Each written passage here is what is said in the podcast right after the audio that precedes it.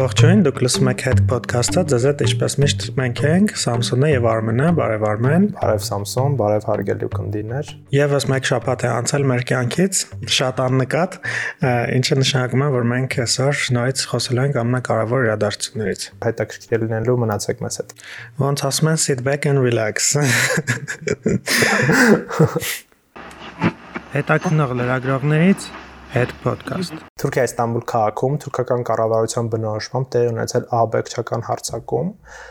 Թուրքիայի դատախազությունը իրավապահ համակարգը պնդում է, որ Թուրքիա մարգելված Քուրդիստանի աշխատավորական կուսակցության հետ ունեցող գրոհայինները կազմակերպել են ահաբեկչական հարձակում Ստամբուլի Իստիկլալ փողոցում, ովքեր եղել են Ստամբուլում, հաստատ գիտեն Իստիկլալը, որովհետև այնտեղ գտնվում են շատ մեծ թվով տեսարժան վայրեր, ինքը գտնվում է Թաքսիմ հրապարակի մոտ, որ ամենահայտնի հրապարակն է Ստամբուլի, եւ այդ փողոցը ինքը զբոսաշրջային է ու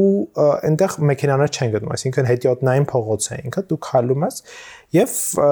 պայթյուն է տեղի ունեցել շենքերից մեկի մոտ եւ թուրքական կառավարությունը պնդում է, որ այդ պայթյունը տեղի ունեցել այնտեղ թողած պայուսակից, այսինքն ռումբը տեղադրված է եղել պայուսակում։ Վերջին տվյալներով զոհվել է 6 մարդ, վիրավորում ստացել 81-ը, նրանց մեծ մասն արդեն դուրս է գրվել հիվանդանոցից իսկ մի մասն էլ դեռևս շարունակում է ստանալ իր բուժումը։ Ինչն է հետաքրքիր, որ սա վերջին երևի 5 տարվա մեջ առաջին անգամ ամենախոշոր ահաբեկչական հարձակումն է Թուրքիայում դեռևս վերջնական այսպես ապացուցված չէ որ դա հենց ահաբեկչական հարձակում է, բայց ամեն դեպքում թուրքական իշխանությունները պնդում են որ դա ահաբեկչություն է եւ դա կազմակերպել է քրդական, բանվորական կամ աշխատավորական կուսակցությունը, դե գիտեք, որ քրդերն ու թուրքերը արդեն մի քանի տասնամյակ իրար հետ հակամարտության մեջ են գտնում, չնայած որ Թուրքիան շատ մեծ թվով մոտ 20 միլիոն քուրդ է ապրում, բայց կոնկրետ այս միավորի հետ այդ կուսակցությունը կամ չգիտեմ ուժը Թուրքիան բնորոշում է որպես ահաբեկչական կազմակերպություն, որովհետև նրանք մարտերում,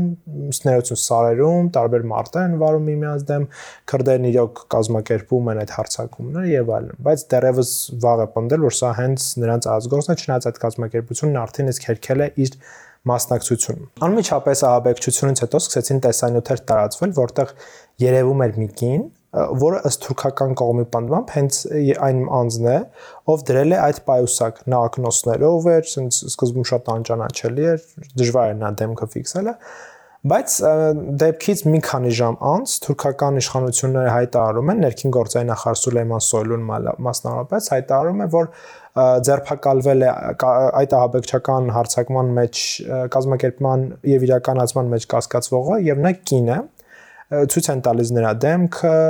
թուրքական կողմը պնդում է որ նա եկել է Սիրիայի Քոբանի քաղաքից եւ հենց քրդերն են նրան ուղղորդել որ գա այդտեղ նա արաբեի դեպ քուրդ չէ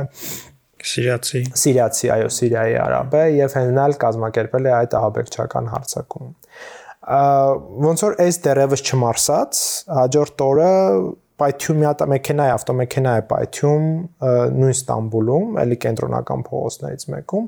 եւ կրակը տարածվում է նաեւ մյուս մեքենաների վրա։ Այս դրա հետևանքով ինչ որ դժվարներ չկան, բայց ոմանք կապվում են, այ կապում են այս ահաբեկչական, նո այս պայթյունը եւս կապում են այդ շարքի հետ, որը իբր քրդերը կազմակերպել են Սիրիայում, Նեոցուն Ստամբուլում այդ ահաբեկչական հարձակումը։ Բայց կան մարդիկ, ովքեր կարծում են, որ միգուցե այս գործողությունը դա թուրքական հատուկ ծառայությունների գործողություններն են, որովհետև թու իրենք նշում են, որ սա կարող է շատ լավ պատրվակ լինել Թուրքիայի կառավարության համար, որպեսզի նա նոր ռազմագործողություն սկսի Սիրիայի հյուսիսում։ Գիտենք բոլորս, որ Աֆրինի շրջանը, որ Սիրիայի հյուսիս արևմուտքում է գտնում, Հալեպին շատ մոտ, արդեն մի քանի տարի է բռնազավթված է թուրքական ուժերի կողմից եւ այնտեղ թուրքամետ, այսպես ասած, Սիրիայի ընդդիմությունն է իշխանություններին եւ Ասադի կառավարությունը չի կարողանում այդտեղ իր վերահսկողությունը տարածել։ Եվ շատերը շատ կա թվում նաեւ քաղաքագետներ պնդում են, որ սա միգուցե թուրքական կողմից ձեռնարկված ինքը գործողություն է եւ թուրքերը սա որպես այսպես պատերվակ սրանից օգտվելով կարող են հարցակում գործել Սիրիայի հյուսիսի ուղությամբ, այնտեղ քրդերի դեմ էլի ինչ որ գործողություններ անելու համար։ Շատ-շատ երկար ամիսներ բոլորը սպասում են, որ Էրդողանն է հրամայելու, որ Իրաքի հյուսիսում այնտեղ եւս նման ռազմագործողություն արվի, գիտեք, որ Իրաքի հյուսիսում եւս քրդեր են ապրում, այդ Իրաքյան Քուրդիստանն, այդ Էրբիլ քաղաքը, դրանք բոլորը այդտեղ քրդերով են հիմնականում բնակեցված, բայց դեռևս այդ հարցակումը չի եղել, սա նաեւ պայմանավորված է ուկրաինական պատերազմով, Էրդողանը դեռևս ռիսկի չի գնում այդքան մեծ, որովհետև այդտեղ կարա նաև Իրանի դիմադրությունը շատ ուժեղ լինի։ Մանավանդ որ Թուրքիայում այս վարկածը կարծում եմ իրականում շատ այսինքն տեղիք ունի, հա, ինչ են ասես ասում, մասնագետներ, քաղաքագետներ, որովհետև շատ միանգամից առանց այսինքն երևի ժամերի ընթացքում միանգամից թուրքական կառավարությունը մեղադրեց այդ Քուրդիստանի աշխատավորական կուսակցության զինված թևին YPG-ին իրենք էլ միանգամից ասցին որ իրենց ոնց որ արժե համակարգի մեջ չի մտնում եւ չէին թիրախավորի սովորական քաղաքացիներին, որտեվ իրենք իսկապես միշտ թիրախավորում են որոշում կայացնող, այո, որոշում կայացնողներին քաղաքականության մեջ եւ զինվորական բարձրաստիճան պաշտոնյաներին ու միանգամից մերժել են։ Սա բար որ անում են, իրանք ինչ որ բան ընդունում են, հնարավոր է սա իսկապես պատրվակ է, որ Թուրքիան ինչ որ նոր գործողություններ սկսի Սիրիայում։ Իդեպ Քուրդիստանի բանվորական կուսակցությունը կամ աշխատավորական կուսակցությունը աստ է հայերենով ոնց է թարգմանում,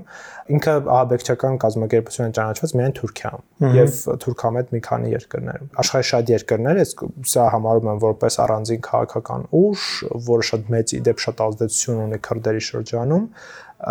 եւ ամենևին նրանց որպես ահաբեկիչներ կամ զինյալներ չեն որակում։ Գիտեք, որ վերջին շրջանում հայ-թուրքական process է ընթանում հարաբերությունների կարգավորման Արարատ Միրզոյանը, Հայաստանի Հանրապետության արտաքին գործերի նախարար, ցավակցական, չասենք հերագիր, բայց ամեն դեպքում Twitter-յան գրառում էր արել, որտեղ իր ցավակցություններ հայտնել Թուրքիայի արտաքին գործերի նախարար Մevlut Çavuşoğlu'ին, Mevlut Çavuşoğlu'ն իր հերթին վերատարածել էր Արարատ Միրզոյանի գրառումը եւ շնորհակալություն հայտնել իր հայ գործընկերոջից։ Իդեպ այս պրակտիկան վերջին շրջանում հայերն ու թուրքերը կիրառում են։ Գիշեք Սուրմալուի ժամանակ էլ Çavuşoğlu'ն էլ էր ցավակցել, բացի այդ ցավակցել էր նաեւ հայ-թուրքական այդ հարաբերությունների կարգավորման բանակցություններում թուրքական կողմի ներկայացուցիչ Սերդար Քլիչը Ռուբեն Ռուբինյանն էլ ժամանակ պատասխանել էր Նաև մի բան էլ նշենք, որ Թուրքիայի կառավարության մեջ Սուլեյման Սոյլուն, այդ իրենց ներքին գործերի նախարարը, բավականին ծայրահեղական դիրք ունի սովորաբար եւ Ամերիկայի կառավարության այդ ցավակցական ուղերձի մասին արտահայտվել էր ասել էր որ մենք մերժում ենք իրենց ցավակցական ուղերձը որովհետեւ ամերիկյան կառավարությունը կոնգրեսը ֆինանսավորները այո ֆինանսավոր մեքրդերին ու ինքը ասես իրեն կարելի է համարել թուրք կառավարության մեջ ամենածայրահեղ դիրքորոշում ունեցող մարդկանցից մեկը Իդեպ նախորդ տարվա սկզբին, 21 թվականի սկզբին շատ տարածվում էր տեղեկությունը, որ Թուրքիայում շատ կտրուկ փոփոխություններ են լինելու կառավարության կազմում, եւ հենց նշվում էին Սուլեյման Սոյլուի եւ արտաքին գործերի նախարար Մevlut Çavuşoğlu'ի անունները, բայց երկուսն էլ շարունակում են պաշտոնավարել, որովհետեւ նախ եւ առաջ Թուրքիայում մոտենում են ընտրությունները, նախագահական ընտրություններ են եկող տարվա հունիսին լինելու Էրդողանն արդեն իսկ հայտարարել էր տեխնացիոնը դնելու մասին, անդիմությունը դեռևս չունի միասնական տեխնացու, 7 կուսակցություն միավորվել են իրար եւ միասնական այսպես ասած տեխնացու են ունենալու, հավանաբար այդ տեխնացուն կլինի Քեմալական ժողովրդահանրապետական կուսակցության ղեկավար Քեմալ Քլժդարօղլուն, բայց մի տեսակ այսպես ասած շատ անկանխատեսելի են եկող ընտրությունները, որովհետև հիմա Թուրքիայում շատ մեծ գնաճ է ու շատ շատերն են դժգո Էրդողանի կառավարության գործողություններից, բայց վերջին շրջանում դե գիտենք Էրդողանի վարկանիշը արտաքին քաղաքական դաշտում շատ-շատ է մեծացել կապված ուկրաինական պատերազմի հետ եւ այս հացահատքի արտահանման հետ կապված Էրդողանն է այդ կուրատոր այդ հացահատքի արտահանումը եւ դեպի աֆրիկյան երկրներ եւ իդեպ նախորդին էլ 4 ամսով այդ գործարքը երկարաձգվեց բայց ամեն դեպքում երկրի ներսում Էրդողանն ունի իր աջակիցների խումբը, դա միջին, այսպես ասած, անատոլիացին է, դա Ստամբուլի եւ Անկարայի բնակիչները չեն կամ Իզմիրի պրոգրեսիվ հատվածը Թուրքիան Թուրքիայի Թուրքիան բաժանված երկու մասի, արևմուտքը դա բավականին զարգացած պրոգրեսիվ է, իսկ կենտրոնը եւ արևելքը բավականին, այսպես ասած, չասեմ հետամնաց, բայց գոնե պահպանողական։ եւ հենց այդ կոնտինգենտի վրա լի դեպի շեշտադրումը դնում է Էրդողանը։ Միշտ Ստամբուլում հաղթում է քեմալական կուսակցությունը, ժողովրդ հանրապետականը միշտ Ստամբուլում տոտալ հաղթանակ են տանում։ Հենց օրինակ Ստամբուլի քաղաքապետը Էքրեմ Իմամօղլուն քեմալական ժողովրդ հանրապետական կուսակցությունից իդեպ ինքնատիությունում հաղթեց Բինալի Ելդերեմին, ով այդ ժամանակ զբաղեցնում էր Թուրքիայի ազգային ժողովի նախագահի պաշտոնը եւ Էրդողանի կուսակցության փոխնախագահան։ Իսկ հիմա Ելդերեմը այլևս որևէ պաշտոն չի զբաղացնում։ Նախորդ մեր էպիզոդում մենք կարճ քննարկեցինք Պեմզաշենի դեպքերը եւ այն ժամանակ դեռ շատ մանրամասներ հայտնի չէին, հիմա արդեն որոշ մանրամասներ հայտնի են, մասնապես մենք ձայնագրում ենք ուրփաթորը եւ 3 ոստիկանությունը որոշ մանրամասներ հայտնի եւ կադրեր են տարածել գլխավոր կասկածյալին այդ սպանության մեջ մեղադրվող դեռ չի մեղադրվում, բայց համաբար արդեն տատական process-ը կսկսվի քննությունից հետո։ Դա 32-ամյա տղամարդն է, այդ հենց նույն Պեմզաշեն գյուղից, որ ոստիկանության բնդումով ընդունել է իր մեղքը եւ պատմել է թե ինչպես է սպանել այս ընտանիքին։ Շատ մանրամասներ չենք ասի, միգուցե դուք էլ տեսած լինեք, լսած լինեք, բայց շատ դաժան կերպ է, հա, ընտանիքին սպանել իրականում ու պատմել է, որ ինքը սա արել է մի 41-ամյա ազգականի հետ, որը որոնի դեպ կնոջ ամուսնու ընկերն է կնոջ ամուսնու ընկերն է եւ նաեւ ասում են որ իր հորեղբոր տղեն է երկուսով են գնացել են գնացել են տան մոտ եւ Զարնե Մելիքսեթյանի սպանված կնոջ տան մոտ որ ժամանակ սպասել են հետո մտել են ներս ներս են մտել ինքը իր պատմելով կապել է կնոջը տանակը հարել է հետո կնոջ աչքի առջև սպանել է փոքր տղային 8 տարեկան հետո արդեն նաև աղջկան եւ նաեւ ոստիկանության ասելով հաղորդմամբ աղջկան փոքր երեխան ինչով սպանելը սեռական բռնության է ենթարկել, բռնաբարել է, հետո նոր հարցրել է դու ինչ ճանաչում ես թե չէ, աղջիկը ասել է ճանաչում եմ, այդ ժամանակ նոր իրեն էլ է սպանել, հետո սպանությունից հետո գնացել է Երևան, ու սպանության հիմնական պատճառը ոստիկանության վարկածով կամ պնմամբ եղել այն, որ գնացել են փող գողանալու ուղակի։ Զարինե Մելիքսաթյանի պայուսակից հանել են 35000 դրամ եւ գողացել են ոսկյա շղթան ու դրանց հետո ինքը գնացել է Երևան, ինչ որ զվարճացել է եւ այլն ու արդեն ոստիկանները բռնել են։ Դեռ քննությունը շարունակվում է, չնայած այս մանրամասները հայտնել են, ելի շարունակում է այս պատմությունը բավականին մութ պատմություն լինել։ Նաև չնշեցի, որ այդ բարեկամը 41-ամյա տղամարդը հերքում է իր ներգրավվածությունը, ասում է, որ այդ իր բարեկամը հորինել է ամեն ինչ։ Շաբաթվա ընթացքում Զարինեի բարեկամները փորձել են վրաշխնդիր լինել Մարտասպանի ընտանիքից, կարծեմ ոստիկանությունը իրենց գյուղից տարել է, հա, որ ինչ որ բռնության հավելյալ դեպքեր չլինեն։ Նաև որոշների պնդմամբ իհարկե հաստատված չէ այս ինֆորմացիան, բայց նաև խառնված է այս 32-ամյա տղամարդու Մարտասպանի քույրը, ով որ հետո կարծես թե հա հաստատված բան չեմ ասում, բայց ասում են որ գնացել է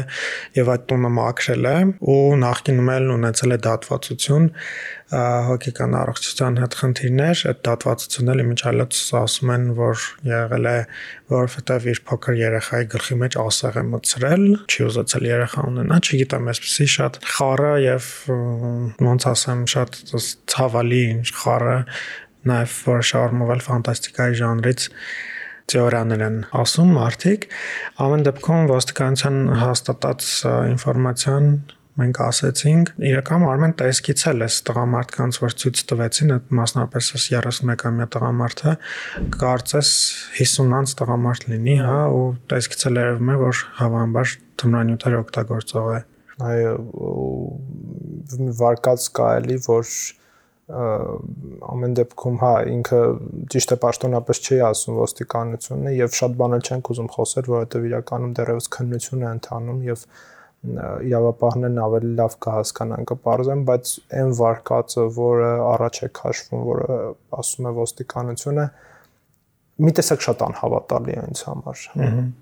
ես չգիտեմ արդյոք 30000 35000 դրամի եւ մի հատ էլ եթե չեմ սխալվում 40000 դրամանոց ոսկյա շղթայի համար կարաս 3 հոգու սպանես։ Ընդ որում հարցնես դու ինձ դեմքով ճանաչում ես, ասի հա սպանես։ Չգիտեմ, ոնց մորտ չգիտի ինչ ասի, շշմելու է, ահավոր է, բայց այն որ սա իմ անձնական տեսակետն է ես չեմ կարող որևէ բան պնդեմ ու ամենևին էլ միտք չունեմ ինչ որ կասկածի տակ դնելու այն վարկածը որ առաջ է քաշում ոստիկանությունը բայց ամեն դեպքում ես կարծում եմ որ սա այդքան էլ իրականությունը չի եւ այստեղ շատ ու շատ այլ կետեր կան, մանրամասներ կան, միգուցե ոստիկանությունը դրա մասին նաև տեղյակը գիտի, բայց չի բարձրաձայնվում դրա մասին, եւ միգուցե դրա մասին գիտի նաեւ այդ մահացածի ամուսինը, որը ի դեպ Հայաստանում է եւ նրան հարցակրթության են ենթարկել։ Արմեն նաեւ անկեղծ ասած ոստիկանության այդ վիդեոն, որ իրանք տարածել էին, նաեւ տեքստը, որ մամուլի համար տարածել էին, մի քիչ վերջում այդ акցենտը ոնց որ շատ դրել են ոստիկանության ջանքերի վրա, թե ինչպես իրանք շատ արագ կարողացել գտնել այս մարդկանց ու միանգամից բացահայտել եւ այլն, sense մի տեսակ շատ ոստիկանության PR էր հիշեցնում, անկեղծ ասած, ոնց որ կարծում եմ նաև իրենց վարկանիշը բարձրացնելու համար են, հա, հենց այսպես ներկայացնում կարծում եմ այնտեղ շատ ավելի մանրամասներ կան իրականում ինչպես դու էլ նշեցիր որ միգուցե որ ժամանակ անց իմանանք ամեն դեպքում հույս ունենք որ իրոք ամեն ինչ կբացահայտվի որովհետև սա սահմռկեցուցիչ պատմություն է թողարկման մեր երկրորդ հատվածում շատ կարճ անդրադառնանք նաև շփհատվա կարևոր այլ իրադարձությունների նախորդին Ադրբեջանի նախագահ Իլհամ Ալիևը իր նստավայրում ընդունել էր եվրոպացի պաշտոնյաների, որոնց պատվիրակությունը գլխավորում էր արևելյան գործընկերության հարցերով Եվրոպական միության ներկայացուցիչ բանագնացը եւ այդ հանդիպման ժամանակ Ալիևը հայտարարեց, որ Ադրբեջանը պատրաստ է խոսել Լեռնային Ղարաբաղի հայերի հետ, այսինքն այն հայերի, որոնք ապրում են այնտեղ եւ ցանկանում են շարունակել ապրել այնտեղ, բայց ինքը որևէ կերպ չի խոսի այնտեղ ապրող այնտեղ փաստացի իշխանությունը այդ իհարկե Արցախի իշխանություններին նա նկատի ուներ, որովհետև ըստ նրա նրանք այսպես անջատողականներ են եւ չեն ցանկանում Ադրբեջանի կազմում լինել։ Սա Ալիևի խոսքերն են Բացի այդ նույն հանդիպման ժամանակ Ալիևը նաև հայտարարեց, որ հայկական կողմ փորձում է Արցախում ապրող հայերի անվտանգության հարցը եւս հայ-ադրբեջանական խաղաղության պայմանագրի մեջ ներառել, ինչը Ադրբեջանի համար անընդունելի է։ Ալիևն ասաց, որ դա իր ներքին հարցն է եւ ինքը Ղարաբաղը դիտարկում է որպես իր ներքին տարածք եւ որևէ այսպես ասած Ղարաբաղի հետ կապված հարց հայ-ադրբեջանական պայմանագրում չի կարող լինի։ Վերադառնալով նաեւ Ալիևի հայտարարությանը, Ալիևն ասել էր շատ հետաքրքիր այսպես ասած ձևակերպում էր տվել Ռուբեն Վարդանյանին, որը վերջերս է նշանակվել Արցախի պետնախարարի պաշտոնում։